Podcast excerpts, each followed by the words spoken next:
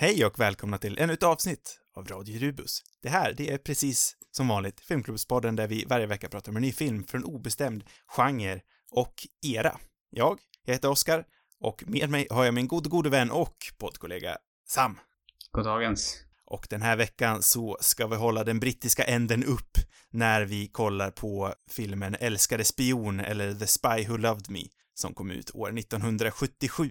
I Sverige så kom den ut samma år, den 17 september. Den är eh, regisserad av eh, den erfarne Bond-regissören Louis Gilbert.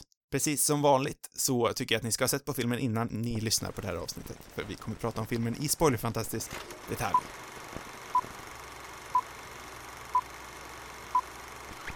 Okej, så eh, då ska jag förklara vad eh, The Spy Who Loved Me, eller Älskade spion, handlar om. Sammanfattat så kan man väl säga att det är två stycken ubåtar, en från Storbritannien och en från Ryssland, som blir kapade och plötsligt försvinner. Men frågan är, vart har de försvunnit? USA, de skickar den eh, välkände spionen 007 James Bond för att få reda på detta. Och på vägen så stöter han även på en kollega från Ryssland, agent Trippel X.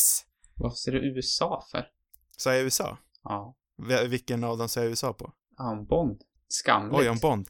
Förlåt. Den Ja, såklart, Nu var det så- många som blev sårade där ute. den såklart engelske gentlemannaspionen Bond som Mm. gör detta med en rysk kollega vid namn Trippel X.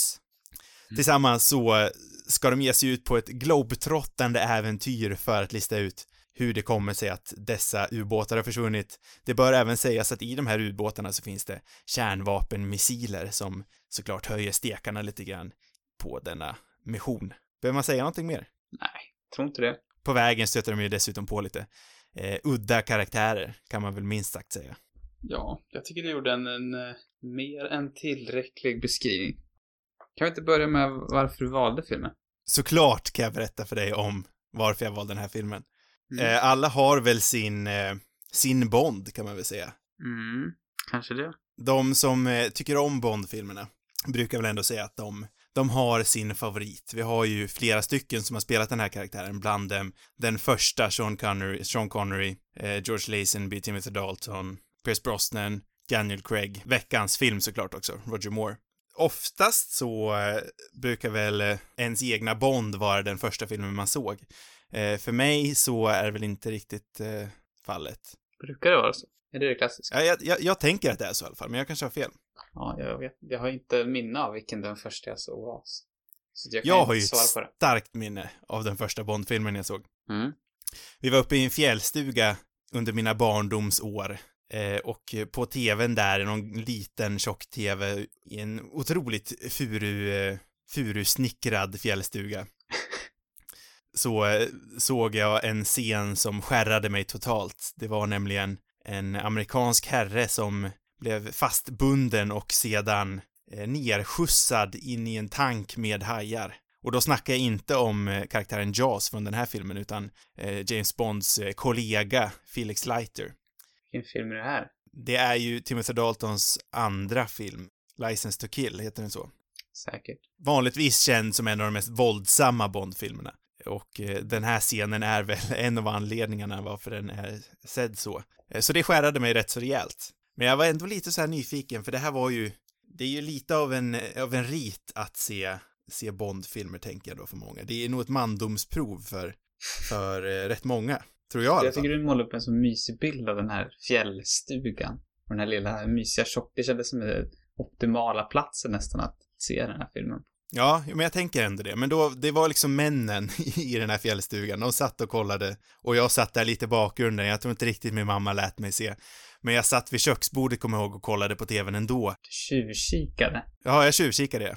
Kvinnorna var i köket, där de ska vara. Precis. I sann Bond-anda så var ju könsrollerna liksom noggrant uppladdade i den här fjällstugan. Ja, ja men det låter, det låter superhärligt tycker jag. Ja, eh, nej men och det här, det lämnade ju ett starkt avtryck på mig. Sen kan jag väl säga, alltså jag har ju inte värderat mig själv som man när jag först såg en Bond-film.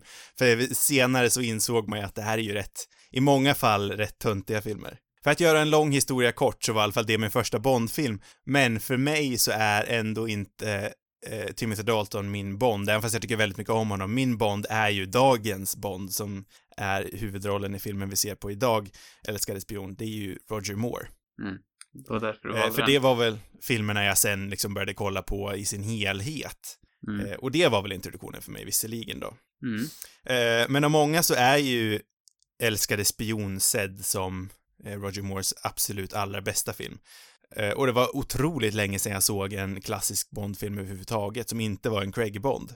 Mm, Eh, så jag kände sant. att eh, det var ändå dags och du påminde mig om att snart försvinner Bond-filmerna från Viaplay, så det var helt enkelt därför jag valde den här filmen. Det var ju min förhoppning att du skulle välja Goldfinger jag ville se. Det känns väl som en av de mest klassiska någonsin. Goldfinger. Jo, men det är det ju. Men, eh, ja, Connery, han är inte min Bond. Det var det som var min idé, att jag skulle locka in dig på det, för den har jag aldrig sett någon gång. Och den känns som, den verkar ju riktigt cool, tycker jag. Så tänkte Mm. jag så här, kanske får dig att välja den. Så valde du en annan, så nu vet jag fan om Ja. jag pallar se en till Bond-film innan Viaplay försvinner. Så nu har du liksom förstört allting för mig, kan man säga.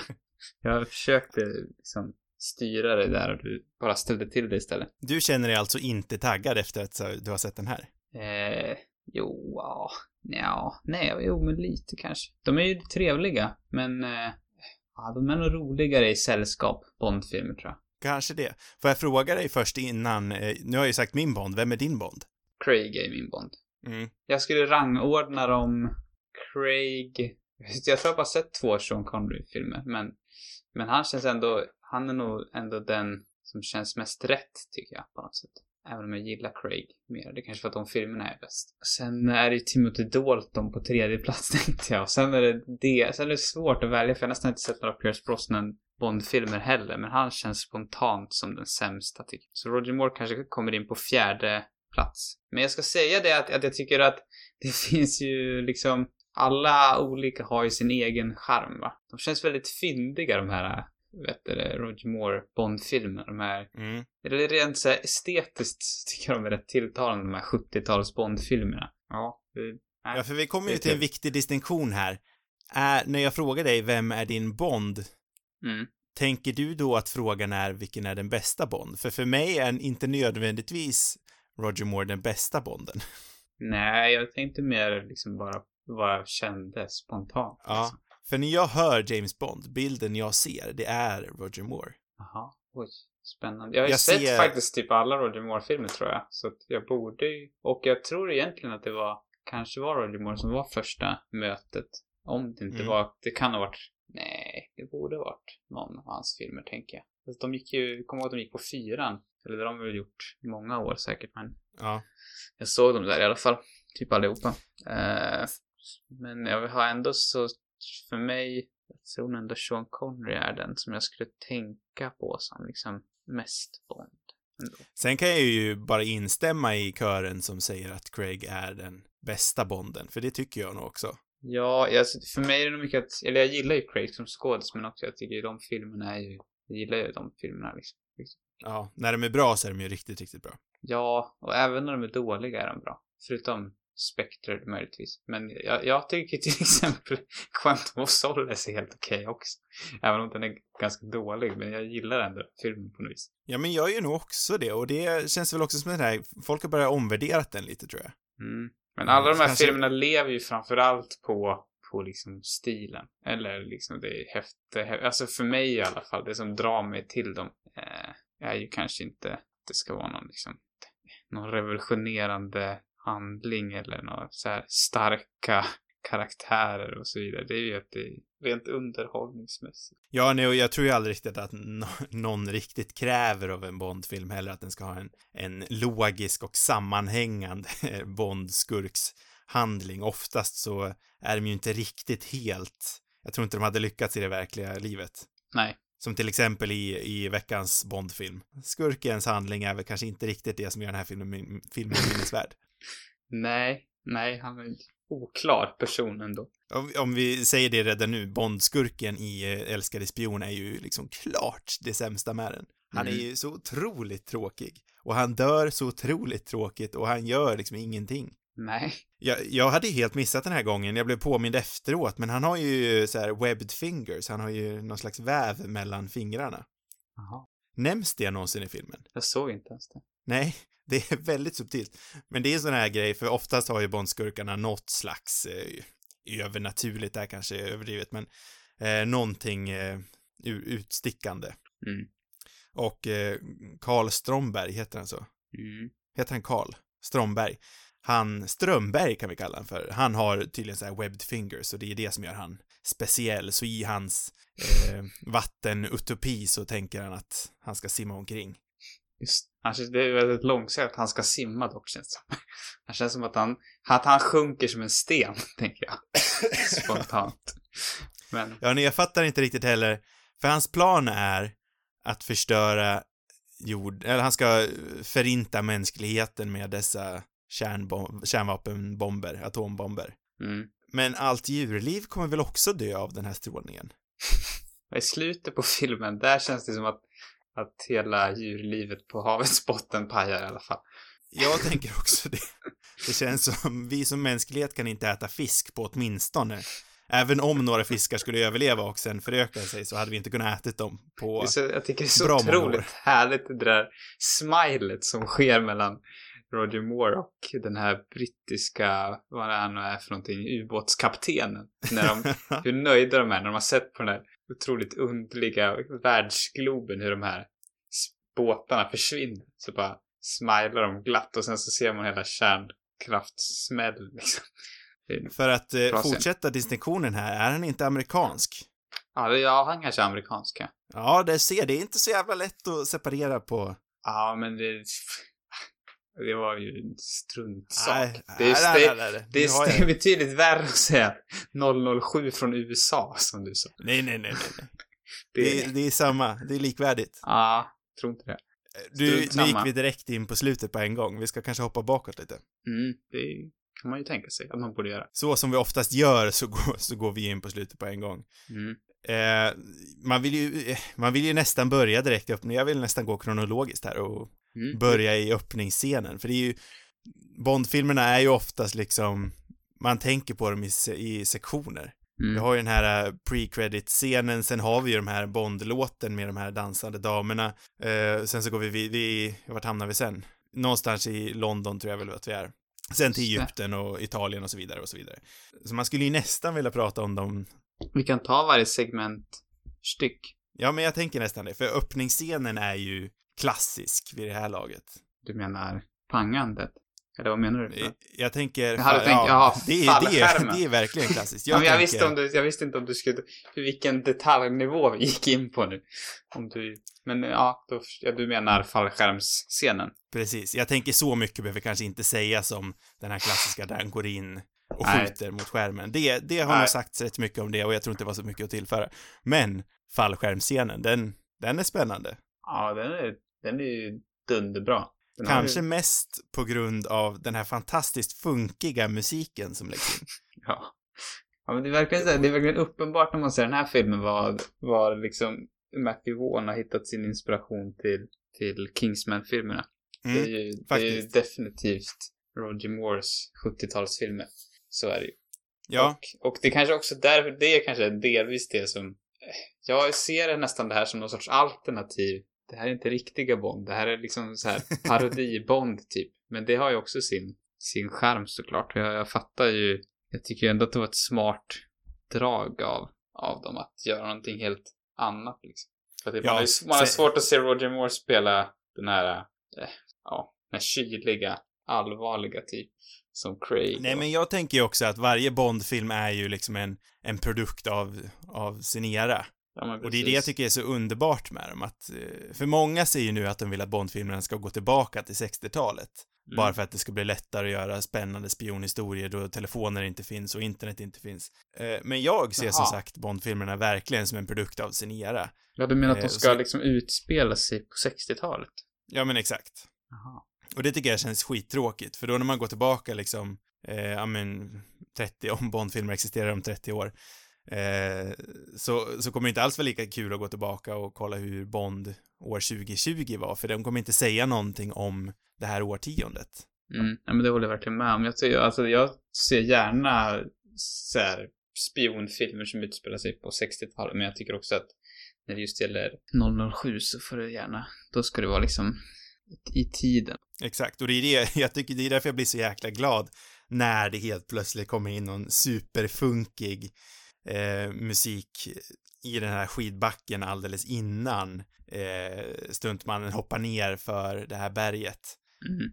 Faller ut i en fallskärm som sedan centreras i bild, ett par händer kommer upp och sen börjar Bond-låten. Lite sjaskig effekten där händerna fångar. Nej, nej, nej, nej, det är underbart. Jag, jag, Jo, är alltså jag gillar, idén är ju bra, men det hackar lite grann.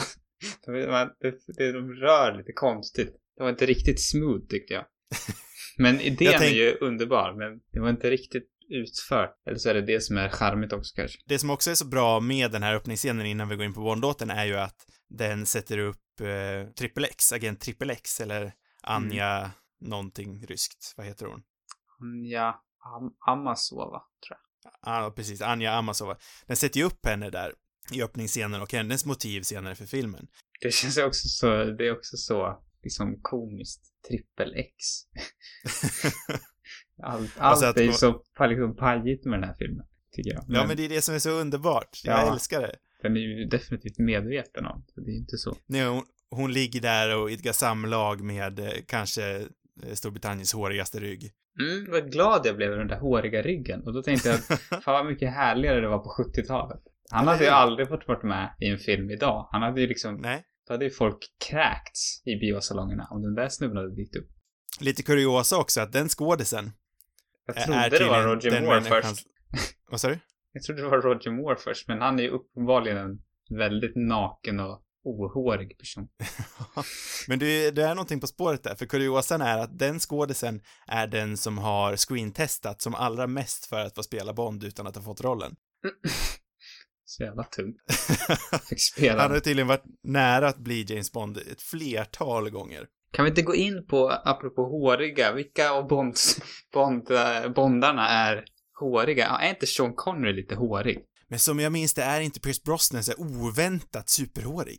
Är han också hårig? Eller minns jag fel? För jag rangordnar dem ju gärna efter den som är mest hårig är ju bäst. För att det kan jag mest Ja. sympatisera med känner jag. ja, jag med. Jag, jag tror absolut att du har en poäng i att eh, Connery nog är hårigast. För att jag blir, jag, jag vet ju, snart kommer ju mitt rygghår att börja dyka upp. Så det var därför det var så Ja. härligt att se det där. Och så, Ja, jag, jag delar din glädje. jag, jag sitter ju själv i samma sitt. Snart, snart är det på väg. ja men Sean Connery har ju ett perfekt hårigt, en hårig bringa. Ja, Han är ju faktiskt, ryggen är oklar. Det är inte lika mycket bilder på hans rygg tyvärr. Pierce Brosnan, Harry. Pierce Brosnan, Chest. han är ju en ful. Okej, det var kanske var taskigt. Jag kollade på en. Men han har en jävligt hårig mage. Ja, nej han var inte så här. Han var lite för hårig nästan. Ja, men jag säger det. Han är oväntat hårig. Och så här dök det upp. Ja, ja, alltså han är ju hår... Nej, men titta här. Pierce Brosnan, han är hårigare än Connery. Men Ja. Connery har bättre behåring. Det är Mm. bättre när det håller sig uppe på bringan, kanske lite runt naveln. Ja, den är medlagom. Ja. Craig då, Hela- han ser rätt äcklig ut. Måste man ju säga. Vem då sa du? Craig, han är mer Roger Moore. Ja, ja. Baby. Åh, här är en bild på gamla Pierce Brosnans håriga, lite lönniga Pierce Brosnan. Ja, ja. Eh, om vi går ska- förbi. Fastna här för mycket. jag tänker också det.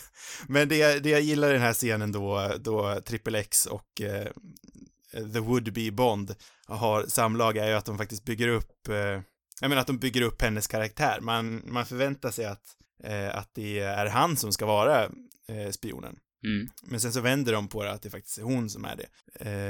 Och Är det någon sorts prata- oväntad feminism som dyker upp här? Jag tycker ju hennes roll i hela filmen faktiskt är förvånansvärt. De vänder ofta på den här, eh, på, på Bonds liksom, eh, ja, sexism kan vi säga. Det slutar ju ändå. Ja, den, den slutar, men det kommer vi också komma in på, men eh, liksom i första och andra akten tycker jag ändå de är rätt bra på att göra henne till en karaktär som står upp för sig själv. Och ofta inte överrumplar den alltför kåte Roger Moore, som definitivt, utan tvekan, är just den kåtaste Bond. Jag tror det är där så mycket av mitt problem med Roger Moore ligger. för att för det första är ju den som är definitivt äldst av alla. Även Ja, om där mm. Craig börjar komma upp nu i åldern så, så har han ju inget, jag menar, Roger Moore var 57 när han gjorde sin sista Bond-film. Det är ju, Ja, det är ju nästan obehagligt. Eh, Och han var ju äldre än Sean Connery när han tog på sig rollen dessutom. Ja, precis. Så det är någonting. Han ser ju också, han har liksom ett, han har ett väldigt gubbigt utseende. Det är också någonting att han ser lite ut som en sån här svensk gubbe som gör det ännu mer osexigt tycker jag. Alltså han har det här lite sol, alltså det ser ut som någon, man, någon svenne man hittar på Gran Canaria typ. Lite grann den Ja. looken har han. Och då när han liksom, Ja. han går runt och, han raggar på allt han ser mer eller mindre. Och eh, lite så här stel och jag vet inte, han känns som snuskbond. För det- är lite där mitt förakt ligger tror jag. Det hjälps ju inte heller av faktumet att han är utan tvekan den absolut sämsta hånglaren också av alla Bondskådisarna. Ja, men det där kan jag tycka också med gamla filmer överlag att alltså de kysser varandra så jävla konstigt. Jag vet inte så här, vad fan håller de på med för någonting? För det här är, det är en annan sån här bild, om man tänker raka motsatsen till den här hajbilden som fastnade med mig Mm. från tidiga år, så har Roger Moores hånglande kinder också liksom etsat fast sig i min hjärna. Det Jag är har som att de aldrig är stelopererade i käften. Ja, men Det han liksom suger, det är som att han suger ut Jag fattar inte vad han gör. Det ser inte ut som att de rör på läpparna riktigt. Det Nej! Li- han liksom planterar sina fasta läppar på henne, suger bara. Vad jag älskar det. Det är det som gör han till min favoritbond, för han är han överrumplas ju, hans kåthet gör liksom alltid att han överrumplas. Ja, det är det jag avskyr då. Men där är vi olika. Ja. Jag kan ju Ja. definitivt hålla med om att en Bond som är mer kompetent vore kanske lite mer spännande. Men jag älskar det med Roger Moore-Bonden, att han, han, han älskar sitt jobb och han älskar att älska, men han är kanske inte alltid den bästa på det han gör. Nej, det- det känns... Det känns också som med tiden. Han är liksom så här Bond-filmerna på 70-talet. Det var mycket som hände i samhället. Men, men de kämpade sig ändå så här fast vid, vid samma gamla grejer liksom. Det är en så här sunkig gubbe som går och raggar på unga kvinnor. Ja. Men det är ändå det jag faktiskt gillar med den här filmen, för, för eh, Triple X är ju bland de mest kompetenta Bond, eh, Bondbrudarna är väl ett, ett eh, förlegat uttryck nu, men Bondkvinnorna. Vad säger man för någonting?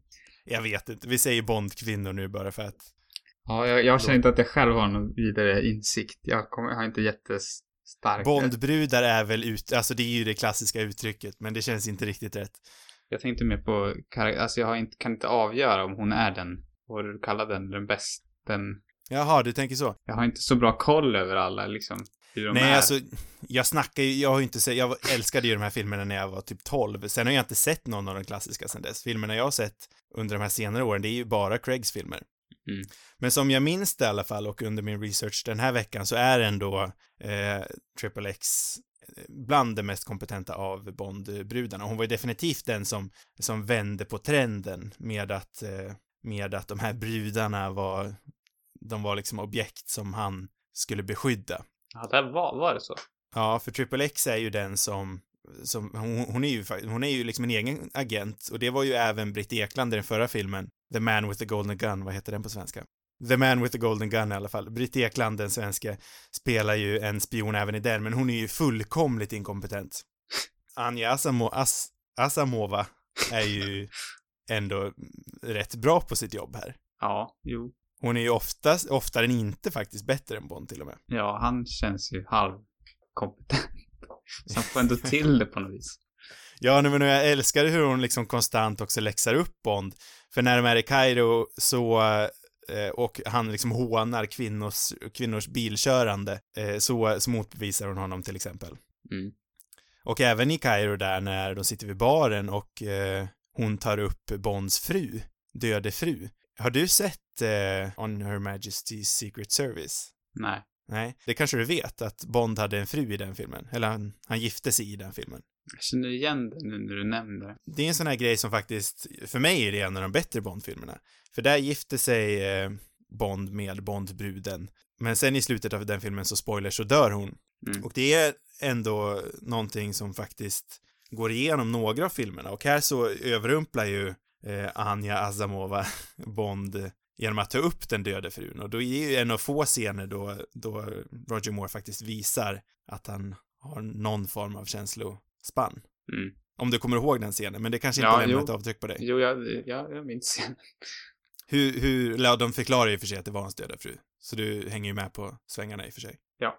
Men jag, jag gillar ändå att eh, det finns något, något slags eh, konsekvenstänk som förföljer skådis till skådis. Det enda kanske i hela filmen. Visserligen då, men eh, jag, jag uppskattar det lilla man får. Ja, absolut. Absolut. Nu har vi redan börjat hoppa fram och tillbaka. Det här, är- Det är inte bra. det, det här sektionssnacket kanske inte kommer funka i längden. Men jag, man, vi måste ju prata om Bond-låten också. Mm. Vad, vad tycker du om den här låten? Ja, den är ganska medioker, kan jag tycka. Nobody does it better, så heter den. Ingen gör det bättre. Jag tycker den är rätt bra ändå. Jag, jag tycker bättre om de liksom, det instrumentella i slutet av den. Ja. När det kommer in lite, lite horn, lite trumpeter och, och tillsammans med stråkarna. Och jag är alltid så nyfiken på hur, hur de spelar in det där. Det är så jäkla konstigt. Det sitter ju säkert ett gäng gubbar bakom kameran, så tar de in några stackars unga modeller, ber dem, okej, ta av dig alla kläder och hoppa omkring lite, studsa lite.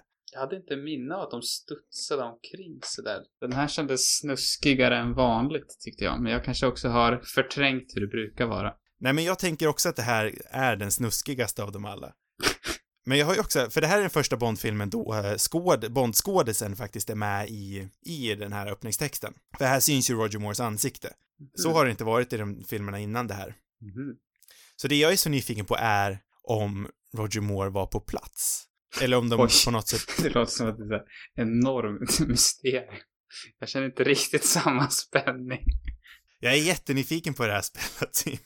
Vad Ja. stod han där medan det var liksom ett gäng eh, Ryss, Rysslands beklädda damer som spatserade omkring naket? Det här är otroligt intressant tycker jag. Ja, jag vet inte. Jag känner kanske inte att det är jättespännande. Ja, det tycker jag. Jag hade jättegärna velat veta. Jag har prövat leta omkring lite, men jag hittar ingenting. Det finns säkert någon information där ute. Det låter som det bara du som tycker det är jättespännande. Antagligen så är det väl det. Nej, jag vet. Jag har ingen aning. För jag, jag är så intresserad överlag av hur, hur liksom kvinnorelationerna var under inspelningen av det här. För Barbara Bach tycker jag ändå verkar vara en, jag har läst på lite om henne nu och jag tycker ändå hon verkar vara en rätt eh, kapabel kvinna att stå upp för sig själv. Mm. Eh, för hon, om jag förstår det rätt så har hon liksom ingenting emot rollen som hon spelar, men just det här att bli klassad som en sexsymbol är ju någonting hon redan liksom under inspelningen av det här var emot. Mm. Och det här liksom att hon skulle fota massa bilder innan i underkläder och sånt där tyckte hon inte alls om, men tydligen så var hon kontrakterad, kontrakterad till att göra det. Så hon hade inget val, vilket i sig känns supersjaskigt. Mm. Eh, men så är säkert fallet även idag, att, att man blir kontrakterad till sådana saker. Förhoppningsvis inte lika mycket. Nej, förhoppningsvis inte lika mycket. Men eh, jag tycker oavsett att det är väldigt intressant, för jag, hur ser liksom den manliga chauvinismen ut under inspelningen av de här? För det är ju rätt chauvinistiska filmer. Chauvinistisk kanske är ett bra ord. Mm. Ja, jag vet inte. Oavsett, ska vi gå in på, på, på filmen i, i det stora hela nu när vi kan lämna öppningssekvensen? Mm. Mm. Det tycker jag. Hur Bond får uppdraget i sig är väl rätt tråkigt. De är ju där på någon slags eh, hamn, hamn MI6-bas. Men efter det så reser han ju direkt till eh, Egypten. Eh, och man, man kunde ju inte låta bli att, att tänka redan där på Lawrence of Arabia. Och ingen blev ju mer chockad än jag sen när de faktiskt spelar upp musiken från Lawrence of Arabia. Ja, just det. Det är alltså. Den har inte jag sett, så jag har ingen... jag känner inte ens igen den. Nej, jag tyckte bara det var superkonstigt, men då eh, har vi kanske inte så mycket att säga om det, men jag, tyckte det var så jäkla skumt att de tar in musik från en annan film i den här. Det var ju väldigt... Alltså, jag tycker Egypten är ju ett, ett underbart val av, av location ändå. Ja, och det är absolut min favoritsektion av den här filmen. Jag, jag är verkligen ombord med den här filmen under hela första akten, stora delar av andra akten. Sen i tredje akten så tappar den mig rätt mycket. Ja, Jag tycker ju... Jag tycker allt. Jag tycker det, jag älskar det här... äh, Vad heter det? Vad kallas det för någonting där han håller till? Det här vatten... Hans... Ja, den här basen, eller vad man hans ska säga. undervattensbas. Vad, den, vad Mm. heter den för någonting? Heter den inte Atlantis då? Ja, det kanske den gör. Den är ju Jag tror att... otroligt häftig. Ja, den är skitball. Alltså scenografin, som alla de här Bond-filmerna, är ju kanske det absolut bästa. Absolut, och det syns ju att eh, pengarna är ju på skärmen. Det ju, syns ju att det är en riktigt, att det är en riktig scen Ja, som har byggts upp. ja precis. Och den här kombinationen mellan liksom, de har ju verkligen varit på de här värst, liksom, sto- största sevärdheterna i Egypten med alla, vad de nu heter någonting. Gravarna alltihopa, men, och kom, liksom kombinerat med de här äh, sjuka, enorma setsen. Det är ju behållningen för min del faktiskt. Det har ju blivit synonymt med Bond, att det ska vara liksom exotiska platser och storslagna scenografier. I alla fall i äldre Bond-filmerna. Men det, det känns verkligen som att de kämpar för att hitta på en anledning att föra dem till pyramiden och de här gravarna där. Jag kommer inte ens ihåg varför de är där. Nej, de är ju där för att de ska träffa den här gubben som Jawsen dödar.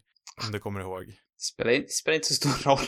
Nej, det, det, det spelar ingen roll alls i de här filmerna, men de gör ju i jakt efter den här äh, film, eh, filmremsan som innehåller Mm. informationer om vart, eh, om vart eh, ubåtarna är. Men väl där så, som sagt, dyker Jaws upp och dödar, ja, det är ju från människa från människa till människa som de är på jakt efter den här filmremsan och väl där så dyker ju Jaws upp för att döda en av de här människorna. Och det är ju en av filmens coolaste sektioner tycker jag, de liksom väver in den här coola voiceovern ovan, för, liksom runt omkring som ligger överallt Mm. eh, från den här föreläsningen eller vad det är. Eh, samtidigt som det här coola gröna ljuset också ligger på och så, och så den här coola bilden med Jaws, för han är ju rätt slående rent visuellt. Jag tänker på den här äh, operasekvensen eller vad det är i Casino Royale va? Också Nej, är det i Quantum Quantum. Den här s- enorma utomhusscenen. Mm, precis. Det känns som mycket i den här filmen har, har liksom använts vidare senare också. Ja, så det finns ju jättemånga sådana här återkommande drag i Bond-filmerna. Den här filmen har ju till exempel ett tågsekvens, också ett klassiskt Bond. Den hämtar det känns som att de, eller det är Spectre till exempel så. Ja, det började ju i From Russia With Love, sen så var det väl en i uh, Live and Let Die, tror jag. Sen Mm, var det en just det. här, sen har det väl varit några emellan också, sen var det ju äntligen en i Spectre igen. Jag tycker Craig var ju tvungen att ha en, en scen, en tågscen, innan han slutade. Mm. Eh, En Mm. annan grej den här innehåller är ju som sagt den här stora Ken Adams-scenen som, eh, som åkallar den från eh, You Only Live Twi- Twice lite grann också. Vad refererar du till då? Har du sett You Only Live Twice? Eh, ja. När de har den här Kanske. vulkanbasen. De är ju någonstans runt Japan och så eh, har Blowfelt en bas i en vulkan som påminner rätt mycket av den här. Den är också scenograferad Ah, nej, av Ken Adams. Nej, Den men det är ju den andra, Ken Adams. Precis. Det är Alltså, den andra, kanske ska nämna vem Ken Adams är också. ja, nämn på. Ska jag göra det? Ja, Oj. Filmens scenograf. Han har väl jobbat på, eh, jag tror från första början var med Bond. Eller? Var han med från, ja, det vet jag, väl. jag vågar faktiskt inte svara på, men jag tror faktiskt han jobbar som production designer redan från 62. Det lär väl Dr. No, är det den första? ja, det är den första. Yes. Och slutade gjorde han med, eh, det hans sista var nog, Han gjorde ju Only Live Twice, sen så var han ju inte med på några efter det vet jag, fram tills Ah, den här. ah, okej. Just det. Och Så det här var ju hans stora också. återkomst också. Ja, precis. Men Ja, han var väl känd, han var väl känd för att ha gjort de här stora eh, skurkbaserna. Ja, de är ju otroliga. Han har ju också gjort Doctor Strangelove, den här otroligt Mm. det. The War Room. Exakt. Sen var han tydligen fruktansvärt less på Kubrick, men återvände efter tjat, gjorde Barry Lyndon också, så han har ju ett hyfsat, Just det. en hyfsad resumé ändå. Ännu lite kuriosa om Kubrick nu när du kom in på han, det är ju att, har du läst det förresten? Ja, han var involverad i den här filmen på något sätt. Ja, väldigt off the records, men för han som ljussatte den här filmen eh, började av någon anledning bli av med sin syn. Mm. Så hur de då skulle ljussätta den här stora Ken Adams-scenen vart liksom ett stort mysterium. Vad ska vi göra? Och då erbjöd sig tydligen Stanley Kubrick att eh, komma in under nattens mörker, Mhm. att eh, fixa det här åt dem utan att få någon slags credit för det. Oj. Och hur han ens kom in på det här, om jag förstår det rätt, är eftersom hans dotter var eh, någon sån här propmaker på filmen, för hon gjorde tydligen Jaws-tänder. Mhm. Så det var tack vare henne han kom in, eh, liksom fick kontakt och kom in och gjorde det här. Men han måste ju ha varit bekant. Kanske var en gentjänst för att han lurade in, för Ken Adams verkar ganska less när hon intervjuas om honom, att han, att han tog sig an att göra Barry Lyndon också, för han var så, efter, efter att ha gjort Strangelove så hade han liksom tänkt så här, jag ska aldrig jobba med honom igen. Så, så det kanske var någon gentjänst där. Kanske. vet? Det finns mycket så här kuriosa om Bond-filmerna som man inte riktigt vet vart det kommer ifrån. Ibland känns det som att det kanske bara liksom har utvecklats på ryktesväg och sen snowballat till någonting som inte alls stämmer. Men det är så jag har hört historien i alla fall. Mm. Ja, men han är, han är otroligt spännande i alla fall, den här Ken Adams. Han är ju en, en lång, intressant historia. kom till eh, typ till England som, eller som flykting från Tyskland faktiskt från början. Och, eh, eller han flydde Hitler och, och allt det där. Och sen så jobbade han också som pilot inom det brittiska flygvapnet under andra världskriget. Och sen lyckades liksom ta sig in i filmbranschen på något vis. Så han känns som att man skulle kunna se någon rätt spännande dokumentär om. Garanterat. Jag tror det var väl rätt, liksom, vanligt egentligen bland många filmer runt den här tiden, att det var ju en generation som alla var med i kriget egentligen. Ja, det var det ju. Definitivt. De hade ju någon sorts, sorts koppling såklart. Jag tror han jobbade med att utforma, vad var det för någonting?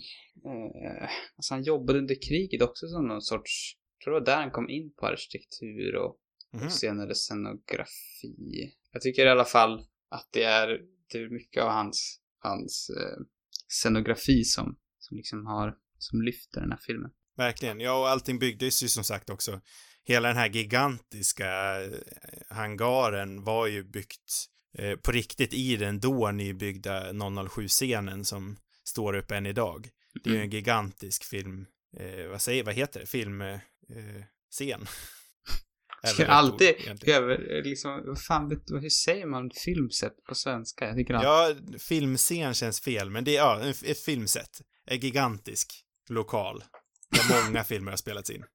känns som att de flesta är bekant med ordet ändå, men det, det det är, det är liksom irriterande. Ja, nej, jag håller med dig. Filmset, vad blir det? Jag antar att det är filmscen. Jag är i alla fall, som nämnt, vi, har- vi överger det här sektion, sektionsuppdelandet nu. Det känns som att vi kommer in på massa sidospår. Eh, för mig är det i alla fall inte, det är ju en jättecool scen, absolut, men jag blir rätt uttråkad av den här väldigt, väldigt långa eh, sekvensen i den här hangaren. Är det när allt sprängs du menar nu?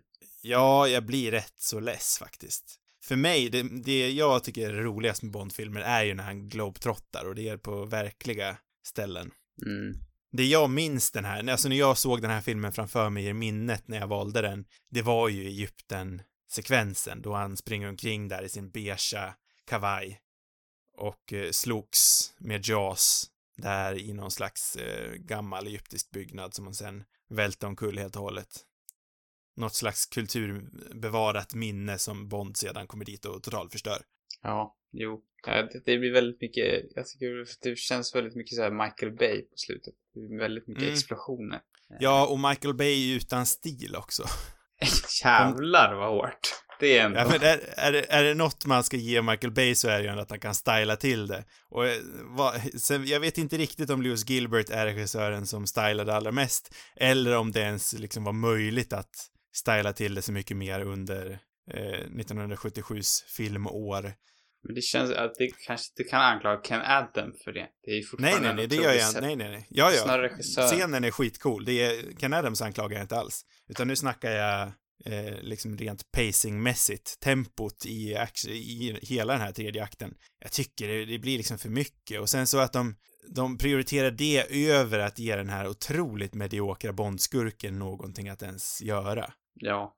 För han Det är ju helt det- värdelös, Strömberg. Alltså det är alltid med de här Bondfilmer där ute, klassiska, i alla fall de här gamla där jag inte alls har någon relation till regissören. Att de känns som någon sorts, som att de, jag vet inte. Det känns inte som att de har så jättemycket kreativ frihet. Eller som att de, det- eller jag vet inte, men det känns inte som att de lämnar så mycket avtryck. Det är mer, de är mer som en slav under produktionen. Men det, jag kanske har helt fel, Jo. jag är inte alls insatt i Nej, det. men, nej, men, men inte alls. Alltså, det var ju medgivet till och med. Att jag, såg på, jag såg på en tre timmars lång dokumentär om skapandet av den här filmen. Kämpade mig igenom, bör sägas. Mm. Eh, och eh, Cubby Broccoli, eller Albert Broccoli, som är, ja, Broccoli-familjen är ju de som regerar över Bond-produktionerna. De är producenter. Mm. Eh, numera är Cubby död sedan länge och hans dotter Barbara och styvson eh, Michael G. Wilson styr ju över hela alltet nu. Mm. Eh, Men han sa det i den här dokumentären att eh, de här filmerna görs ju i kommitté. Alltså det är, precis som Marvel-filmerna ungefär tillverkas nu så är ju regissören kanske inte nödvändigtvis den som är the end all be all av de här filmerna utan det är väl eh, produktionsmakterna där ovanför. Det är ju, ja men Cubby Broccoli i det stora hela för den här gången. Det här var ju den filmen där han dessutom var den ensamma producenten utan eh, Harry Saltzman som hade gjort de första nio tillsammans med honom. Ja, okej. För i början så var det ju Saltzman Broccoli produktioner. Mm. Eh, men Saltzman, om jag förstår rätt, var en rätt dålig affärsman och hade satsat väldigt mycket pengar i någon affärsdeal som gick helt åt skogen. Så då sålde han ifrån sig rättigheterna och gav allting till Broccoli. Hur kommer det sig att Broccoli har liksom, äger de rättigheterna till Bond på något vis? Eller hur? Var, Ja, jo men det gör, det gör de. Har de liksom Eller, köpt, nej, familjen jag för- Broccoli köpt upp hela, eller hur går det till ja, det där? Om jag, om jag förstår rätt så delar de ju som sagt på rättigheterna. Mm. Men eh, det, jag tror att jag sa fel, för Broccoli, eller Saltzman gav inte rättigheterna till Broccoli utan han sål, sålde dem till United Artists. Mhm. eh, produktionsbolaget. Så eh, sen fick ju de då eh, producera allt det här ihop. Men Broccoli har ju alltid varit den ledande rösten bakom kulisserna. Men det finns ingen så här uh, Ian Fleming estate eller något? Det liksom, vad, hur kommer det sig Jo, att de det just- äger ju rättigheterna, de äger ju rättigheterna av böckerna, men sen har väl, det finns ju säkert någon deal någonstans. Jag är inte så påläst om det här, men det finns ju säkert någon deal om att Broccoli har ensamma rättigheter till filmproduktioner. Mm. Eh, Och den, för de är måste den på, uh, liksom för all framtid eller hur? Det vet jag faktiskt inte. Det är ändå speciellt på något vis att, Ja, de har väl så pass god relation nu också, så jag har svårt att tro att det inte skulle förbli. mm, Men eh, om jag tolkar det rätt i alla fall så måste de ju alltid gå till, till eh, Flemings estate för att be om boknamn till exempel, eller be om rättigheter till böckerna. okej. Eh, För till exempel så, så vill ju eh, Ian Fleming inte att, för boken som den här är baserad på är helt annorlunda. Okej. Det, det är den enda boken, om jag förstår det rätt, som är berättat ur, den är berättad ur en kvinnas perspektiv, en Bond, nu säger jag Bond-bruds perspektiv. Så Mhm. James Bond kommer in ungefär två tredjedelar in i boken och blir en karaktär. Mm. Det är därför den heter The Spy Who Loved Me, för den är ju berättad ur hennes perspektiv. Den berättar alltså om en kvinna som, som träffade en spion som älskade henne. Mm. I, I den här filmens fall så funderar jag, vem är The Spy Who Loved Me? Är det James Bond som är spionen som älskade Barbara Bach? Eller är Barbara Bach den som älskade, spionen som älskade Roger Moore? Hänger du med på vad jag menar? Jaha, jag vet Vem, inte. vem är The Spy Who Loved Me? Jag vill veta. Svårt att svara på. Titeln går väl egentligen att applicera på den här filmen också eftersom eh, kvinnan i filmen, Bondkvinnan i filmen också är en spion. Mm. Hur kom vi ens in på det här? Ja, Jag vet. Jag vet inte hur vi Ja, eh, ja, Det är två grejer som vi inte har pratat om, som vi måste Ja. prata om. Och som är det absolut mest ikoniska med den här filmen. Och det bästa. Mm. Eh, det är ju bilen, framförallt. precis. Lotusen. Lotus. Den är ju, det kanske är den bästa Bond-bilen. Ja, den är så jävla ball. Det, det, jag är inte ens en bilmänniska, men fan vad ball den är. det är en dröm. Den är dessutom involverad i en av de bättre biljaktscenerna. Ja, den är rätt, liksom, den är liksom humoristisk sådär, men den är ändå ganska, den är ändå cool. Ja, det är mycket Ja. så här action i den här filmen som är rätt töntigt, till exempel när Bond ska slåss den här snubben på taket där och man liksom Mm. ser att det är en ganska, även om det är förmodligen väldigt mycket stuntmans involverade, så ser du fortfarande liksom kombinationen av eh, 70-talets kanske inte alltid super eh, raffinerade actionscener blandat med en Mm. halvstel gubbe, det är ju inte jätteövertygande. men, men den här biljaktscenen, den är ju, den är ju faktiskt riktigt välgjord tycker jag. Jaha. Och dessutom rafflande. komisk. Och massa så här spännande tillägg i de här eh, mojängerna som bilen kan göra. Ja. Men det, jag, jag älskar ju till för jag, jag funderade i början av den här jaktscenen, varför har motorcykeln som jagar en sidovagn? Jag tänkte det är så jävla, varför inte bara låta det vara en riktig motorcykel? Mm. Men sen när det väl visar sig att den här sidovagnen, det är ju någon slags missil. Det, det var ett guldögonblick. Det värmde mitt hjärta. Riktigt bra grej. Det andra viktiga vi inte har diskuterat om, det är ju hajen. Ja, men jag, jag vill inte riktigt lämna Lotusen heller. Nej, nej, nej men då stannar vi där. Jag, Ja, jag har ju faktiskt sett den här lotsen i verkligheten också. Nej, har du? Vad coolt. Vart har du sett den? Eh, I London har de ju, eller hade de i alla fall, Bond Museum typ. Eller vad man ska Mm. kalla det. Där de har, eller hade då i alla fall, typ alla gamla bilarna. Jaha. Inklusive. Alltså den riktiga bilen alltså? Mm. Jaha, jag tänker att det är privatpersoner. Kan man inte typ köpa någon, vissa Bondbilar ibland för bisarrt höga mängder pengar? Jo, men de har säkert flera. Jag tror att de... Ja, såklart. De har väl stuntversioner, ja. Sen kanske inte alla, jag vet inte om alla bilar fanns det, men här fanns det i alla fall. Det jag ville säga i alla fall, det var ju att eh, det finns ju en medie, medievetenskapsprofessor som heter James Chapman som bland annat har skrivit flertal böcker om James Bond, tror jag. Mm. Och han hade gjort den här eh, analysen av Lotusen och varför den skiljer sig så mycket från den andra väldigt kända Bond-bilen, Aston Martin-bilen som är Goldfinger. Ja. Den som är kanske är mest känd. Mm. Men så han liksom eh, särskilde på dem var ju att där förklaras allting i förväg i Aston Martin-bilen. Där förklaras allting vad den kan göra. Den förklarar till exempel att den här har en, en eh, så här ejector seat, vad heter det? Mm. Ja, så att man flyger upp i luften när man klickar på en knapp. Eh, så där, där, där förklarar liksom Q allting för Bond i förväg. Så då bygger den upp, vi vet vad den här bilen kan göra. Så när en, nu har ju du inte sett Goldfinger, men när en annan, när en skurk hoppar in i bilen och kör den, Mm. så har ju vi redan i åtanke att det här, det här sätet kommer skjutas upp. Så på Mm. det vis byggs spänning. Raka motsatsen ser vi ju i Lotusen. Här har vi inte en aning om vad den här bilen gör, för Bond låter inte Q förklara. Han säger bara “Have I ever let you down” och så kör de på. Wink, wink. Mm. Eh, så den här bilen lever mer på ett överraskningsmoment. Vilket Mm. jag också tror är nödvändigt, för det hade ju inte varit lika... Det är ju inte spännande att veta den här bilen kommer snart att åka under vattnet. Det blir inte lika liksom rafflande. Nej. Utan det är mycket mer intressant när vi faktiskt blir överraskade av att titta, här är ju en ubåt också. Vad händer? Hur gjorde de det rent praktiskt? Det är ju så jävla snyggt allt, tycker jag. Om jag förstår det rätt så är det det riktiga bil... Är det chassi man säger? Mm. Jag kan inte biltermer. Så om jag förstår det rätt så är det det riktiga bilchassit som åker ner i vattnet. Men själva innanmätet, det är liksom oexisterande, utan där i så är det eh, några no dykare tror jag, i några våtdräkter som, som Så, åker omkring. Det är så jag har förstått det i alla fall. Så det är liksom en stor bil som åker omkring. så den kunde åka under vatten, men det var inte, man kunde inte, man var tvungen att ha dykardräkt på att åka med den liksom. Ja, men exakt. Och jag tror dessutom inte att man satt liksom i ett förarsäte, utan då var det nog snarare att de, ja, löste det på något annat vis. Men de manövrerade i alla fall bilen på något vis under vattnet. Ja, det är, det är en, det är en bil, en Lotus i riktiga proportioner i vattnet, om vi säger så. Ja, men det är ju häftigt. Man undrar också hur det går till när de liksom vänder upp de här däcken. Ja, ja nej, men det är fruktansvärt intressant. Den är, det blir väldigt roligt sen tycker jag, om vi ska fortsätta på, på fordonsspåret när han liksom Ja. packar upp den här vattenskotern. Som inte har åldrats lika bra. Just det. Den känns ju väldigt, jag vet Jag- inte om det var en sexig vattenskoter på, på den tiden, men ja, den ser väldigt fånig. Jag undrar hur den flyter, för den står ju på skidor. Och hur, jag, jag fattar inte riktigt hur det går till. Och sen vart är motorn? Jo, den sitter ju där som på en vanlig skoter. Okej, ja, jag fick inte riktigt ihop det, men... Det är att den ser det- så här, det ser ut som något plastig, jag vet inte, den ser B ut bara. Och ranglig ut som, som Den bara ser skitful ut. Ja, Jag vill hajen. också- Vill du gå vidare Nej, dit? Eller har du nej, ännu nej, mer ford? nej. Okej, inte nu. Jag kom på en grej till nu. Mm. Den här, den här eh, fantastiska lilla blicken Bond ger den här eh, skurken, den här kvinnliga skurken som åker helikoptern. Där de liksom Mm. vinkar åt varandra. Det tycker jag är jätteroligt. Det var allt jag ville säga. Och sen har hon glatt liksom också typ stupar sen.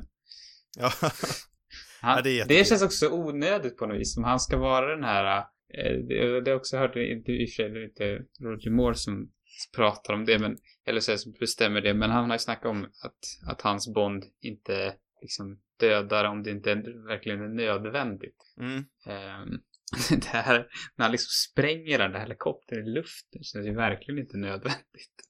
Det är också så, det blir så absurt. Det är många sådana scener i den här filmen där det blir liksom, ja, jag, ja, jag vet inte. det här, Ja, det är ju samma sak när han släpper den här Flintis eh, andra henchman, gubben som inte alls är lika minnesvärd som Jaws, mm, som vi snart kommer komma in på. mm, Eh, när han släpper honom, det är också otroligt våldsamt och kallhjärtat. Det känns ju snarare som någonting eh, eh, Craig eller Connery skulle ha gjort. mm.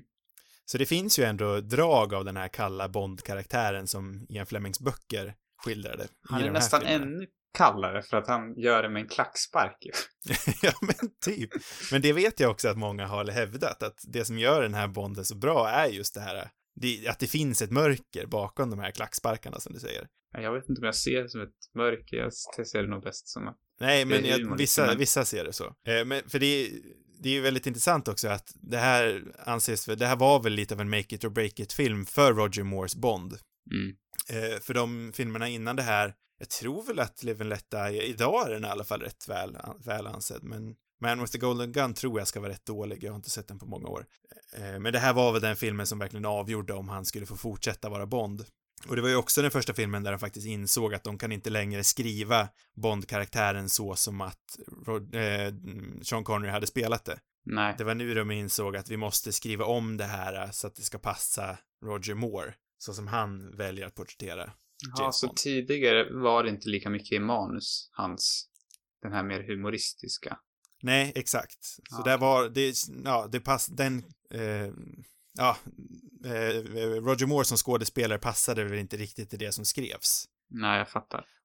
Jag kommer kanske ihåg fel nu, men jag undrar om det inte var Lewis Gilbert som sa att de var tvungna att ändra på det. Det var med Louis Gilbert. Han som regisserat den här filmen. Ja. Ser du, jag vet inte ens Nej, men det är, ju- det är precis som du säger, alltså regissörerna i Bondfilmer är ju oftare än inte, eh, inte, inte så relevanta. Det var ju det vi pratade om tidigare när vi tappade spåret förresten. Ja, Att eh, Bondfilmerna är oftast eh, regisserade liksom eh, av en kommitté. Just det. Ja, nej men det är, det är ju, det är ju verkligen intressant för det här är ju, jag skulle vilja säga att det är en komedi i den här filmen. Nästan. Ja, men nästan, och det blir bara mer skruvat ju längre det går Ja. I Moores era. Men eh, det har ju säkert också mycket att göra med att man tänker sig att de här gamla gubbarna ska ha rätt mycket skelett i garderoben, men jag tror inte att Roger Moore hade så många. Kan vara helt falskt. Det här baserar jag liksom bara på att ingenting har kommit ut. Vadå för skelett i garderoben? Nej, men eh, Sean Connery vid det här laget är väl rätt välkänd som, som att han har skeva, en skev kvinnosyn. Ja, alltså jag har något minne av att jag, jag försökte ju, eftersom jag inte är något stort fan av Roger Moore och för att jag alltid tänkt att han ser ut som en jävla snuskgubbe så Jaha. har jag liksom letat efter, jag hade något minne, starkt minne av att han hade blivit anklagad för sexuella trakasserier men jag kan inte hitta någonting. Jag tror inte det och jag tror att de flesta tyckte han var väldigt schysst. Och jag har hört flera sådana här historier där han har varit jättetrevlig och ärlig med mindre barn som har kommit fram och liksom varit dundernervösa för att de pratar med James Bond. Mm. Men jag tycker Eh, det när man jag- kollar på intervju med honom också att han, han ger faktiskt ett väldigt sympatiskt intryck och precis som i filmerna så finns liksom den här, eh, alltså han har ju liksom inga problem att bjuda på sig själv. Det är ju, Nej, exakt. och så det upplever jag att, att även liksom i privata så känns han, han är ju allt, han är precis som i, i Bond-filmerna så är han ju väldigt skojig hela tiden och sådär och, Ja. och om sig själv hela tiden. Så att, Men samtidigt som han har den här otroligt brittiska gentlemannaaktiga karisman. ja, men precis. Men han var ju också ambassadör för Unicef i flera år. Nu behöver det inte direkt betyda att man är godhjärtad, men han var det ju i hur många år som helst. Så jag, jag tror ändå att Roger Moore var en genuint trevlig person. Ja, fan, alltså ju mer jag letade efter så här att hitta någonting illa om honom, desto mer började jag liksom gilla honom. ja, jag har, jag har börjat gilla Roger Moore ännu mer den här veckan. Jag tänkte alltid så här att, men är, han ser ju så jävla falsk ut. Alltså han har ju det där, och han kanske, vi vet inte, han skulle kunna vara det, men eftersom det är ingenting som, inte det går att hitta någonting så måste han ju så fall ha rensat nätet från den typen av information. Eller något, jag vet Ja. inte jag. Det känns som att om någon hade velat komma åt honom hade de borde, ja, gjort någonting. Typ. Äh, Jag vet inte fan om Roger Moore är kapabel till att rensa internet faktiskt. Han känns också så här, jag vet inte, hans, hans inställning till, men när man kollar på gamla intervjuer är det väldigt mycket så här snack om, om eh, alla de här tjejerna liksom och allt Mm. så han känns så, hans inställning till det kändes också rätt sympatiskt på något vis. Så, jag. Jag hörde någon väldigt bra, eh, kan, det kan väl kanske anses lite svinigt, men jag hörde någon, någon rolig anekdot när han, eh, varenda gång han skulle ha en sexscen med en, med en kvinna så sa han, jag ber om ursäkt om jag får en erektion och om jag inte får den. Det låter ju obehagligt. Fast ändå lite, jag kan ändå se med handsglimten i ögat så kan det kanske ses som charmigt. ah, ah, mig skärmar inte, men jag har ju Sure. inte Roger Moores karisma. Jag kan inte riktigt leverera den där repliken. nej, men jag tror inte att det Direkt. skärm, han skärmar ju inte mig i den här filmen. Nej. Men han, ver- han verkar trevlig i intervjuer och han verkar så här, ja, jag vet inte. När, de, när folk ställer massa sexistiska frågor till honom så, så känns det som att han ändå är någorlunda medveten om det sexistiska i det, eller hur man ska säga. Så här, han Ja. skojar bort, ofta bort det kanske. Så här. Sen jag vet inte om det är det bästa, men han, jag vet inte, han och han känns också som, han snackar i många intervjuer om att han inte var vidare bekväm heller med, med allt det där kring hela, hela den biten som Nej. någon sorts eh, kvinnokar eller vad man ska säga. Han var aldrig liksom bekväm med det riktigt. Om jag har förstått det rätt. Nej, och sen så, han var ju en, en äldre kar, fostrad i en annan tid med andra värderingar. Sen om det är en ursäkt eller inte, det är ju en fråga för tiden, men ja, det, det kan väl på något sätt kanske bortförklara om han har viss, viss skev kvinnosyn. Ja, eh, det är väl hela världen runt omkring som har det. så- jag vet inte vad hans... Ja, oavsett. Roger Moore, för mig är det liksom underbara med honom är att han är en lover, not a fighter. Mm. Precis som du säger. Men han måste ju också fightas, och det gör han ju med Jaws, spelad av eh, den gigantiske Richard Keel. Äntligen kom vi dit. Bara typ 20 minuter senare. Ska det bli någon sorts avslut kanske? När vi liksom sista noterna blir... Ja, men jag tror ändå det. För Jaws är ju faktiskt det som, eftersom Stromberg är så fruktansvärt tråkig och dålig. Mm. Det bör ju kanske också sägas innan vi går in på Jaws att från början så var ju Stromberg menad att vara just eh, Ernst Stavro Blofeld. Mm. Men på grund av rättighetstvist med, eh, ja, det är en lång bakgrundshistoria, men på, på grund av rättighetstvist så fick ju Bond-filmerna inte ha med Spectre i hur många år som helst, så därför skrev de om den karaktären till någon annan. Och kanske är det därför Stromberg är så tråkig. Men det ledde ju Mm. också till att eh, Jaws, Richard Keel var vart så minnesvärd som han är, antar jag. Och att han Mm. fick en mycket större roll egentligen än vad Stromberg har. Mm. Och att han får återkomma i nästa film. Ja, det tycker jag. Den, jag minns den starkt alltså. Mer än den Ja, här. men där är det ju så himla pajigt. Ja, men jag tycker den här också är himla pajig och den är inte... Den här filmen är inte heller vidare bra. Men Du, du, måste, du, du måste se om eh, Moonraker igen. Den är ju pajigare än pajigast. Jo, Han alltså jag kan tänka mig att den är, men alltså för mig är ju den här också liksom rätt dålig. Det är bara att det, det är exakt, det är coola bilar och det är coola miljöer och sådär. Det är liksom, och Moonraker har ju ascool scenografi. Jag, jag håller faktiskt inte med dig om att den här filmen är dålig, rent ut sagt. Alltså, jag, jag tycker ändå att den är... Nej, jag, den är inte dålig då, men den är ju, den är inte bra heller. Nej. Eller ja, Alltså- det var jag, jag får tala, med, får tala för mig själv såklart, men Jo, jo, jo, absolut. Men jag, ja, ja, ja. jag tror Jag- inte jag att jag inte ser någon större, jag tänker mig inte att jag ser någon större skillnad mellan de två. Det kanske jag gör. ja jag, jag tror du borde se om den igen. Eh, Och ytterligare, vi kommer aldrig komma in på Jaws, men ytterligare lite kuriosa är ju att i slutet på den här filmen så står det ju att eh, James Bond will, ret- will return in for your eyes only, tror jag. Mm. Eh, men skojigt nog så är ju nästa film inte For Your Eyes Only, utan det är ju Moonraker. Mm. Och det är ju enbart på grund av att Star Wars kom ut samma år som Älskade Spion gjorde, 1977, och det blev ju en sån jäkla dunderhit. Aha, Eh, så då blev det rymdbond. Precis, så därför hoppar ju Broccoli-familjen direkt på det. Nu är det rymd som gäller, Bond ska ut i rymden. Ja, superbra idé. Ja, och det stämmer ju också in på det här vi sa tidigare, att Bond-filmer är ju en del av sin tid. Det är därför man inte vill att Bond-filmerna nu ska gå tillbaka i tiden. Nej. Fast samtidigt skulle det kanske passa också eftersom vi just nu lever i sånt jäkla nostalgiporrigt samhälle, så det kanske skulle vara rätt det med, men Men det är väl just det de inte ska falla för. ja, jag hoppas inte det i alla fall. Richard Keel som Jaws. Är han läskig eller inte? Är han bara pajig? Han är liksom en kombination av båda på, ett, Ja, på det helt perfekta viset, tycker jag. jag tycker också det. Han skulle ju alltså i en annan film så skulle ju den skådespelaren kunna vara svinläskig. Mm, jag tror också det. Men mer kanske kompetent regissör. Jag vet inte om man ska skylla det allting på Lewis Gilbert, men Nej, jag tror hela grejen super- med liksom Bond-filmer överlag. Så det, det handlar nog om hela, ja men allt runt omkring liksom. ja, Så det kan man väl säga om de moderna också, men, men där kan jag ändå känna att det finns lite, eller alltså vad Sam Mendes gjort, gjorde till det, och egentligen Casino Royale också, där, där gjorde de ju ändå lite mer vågade saker. Alltså där känns det som att, som att regissören har fått lite mer mm.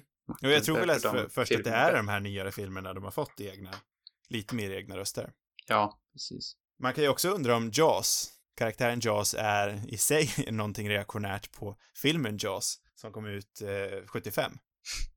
Kanske. Och som också var en dunderhit. Och då kanske Broccoli tänkte, fan, vi ska ha en karaktär som heter Jaws. Och en film med massa hajar i sig. Ja, det, det känns ju inte helt långt borta ändå. Nej, inte alls. Men eh, det, det roligaste med, då han inte funkar för mig, det är ju när han måste springa snarare än gå.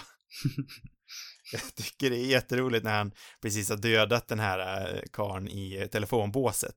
Mm. Så följer Bond efter honom så ser man han springa där på ett längre avstånd mot bilen.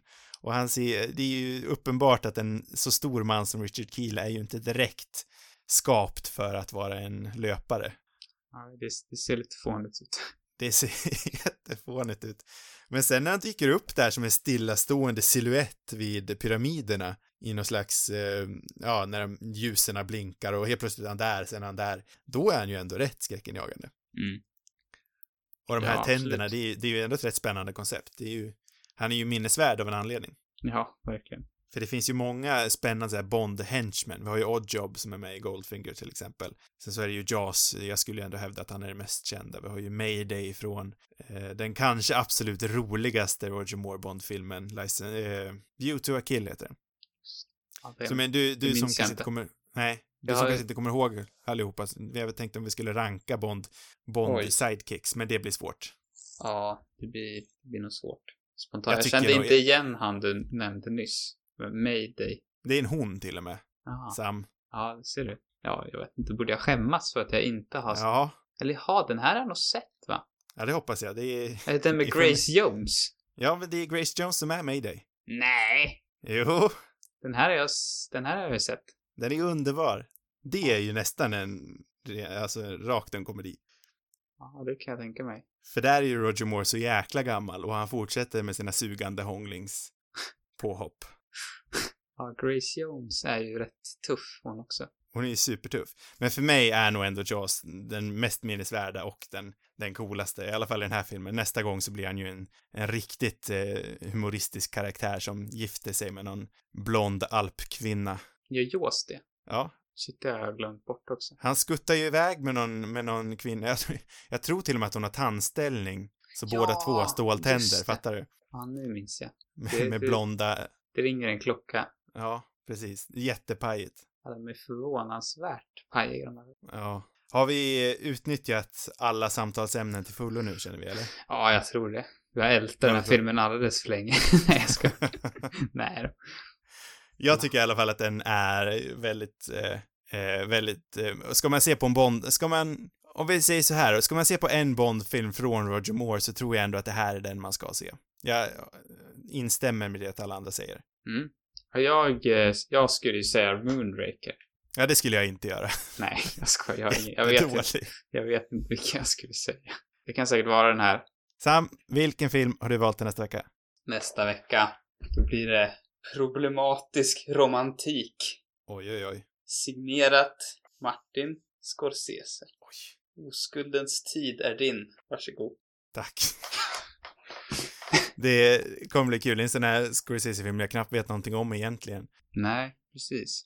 Men alla Scorsese-filmer är otroligt spännande. Också att se han i det här, ja vart är det? Är det i, i England eller är det i Amerika den utspelar sig i? Eh, New York, tror jag. Ja, i alla fall det här äldre överklassamhället känns ju inte riktigt det man mest eh, identifierar Scorsese med. Nej, det är dessutom en, ett romantiskt drama, tror jag. Så det känns inte heller så typiskt Scorsese direkt. Och jag tror heller inte att vi har snackat om eh, Daniel Day-Lewis någonting i den här podden innan, så det, bara det är liksom ett, Mm. Det ett spännande förslag. Han måste vi prata om. Precis. Eh, den filmen finns att hyra på de flesta hyrställena. Eller på Netflix. Eh, näst, ja, just det, på Netflix finns den också, bör bli sagt. Ja. Flera avsnitt, de hittar ni på cinemarubus.com. Där finns även de arkiverade avsnitten. Eh, dessutom så finns ju alla avsnitt, eller de nyare avsnitten på eh, poddappar. Så som Apple Podcasts eller Spotify. Har ni Mm. frågor och vill ha svar så skickar ni in dem till cinemarubus@gmail.com. Sociala medier, det har vi också. Där hittar vi Cinemarubus på Instagram och Twitter. God natt allihopa. Ha det så bra. Och håll den brittiska änden upp. God natt. Vad, bety- vad betyder ens det?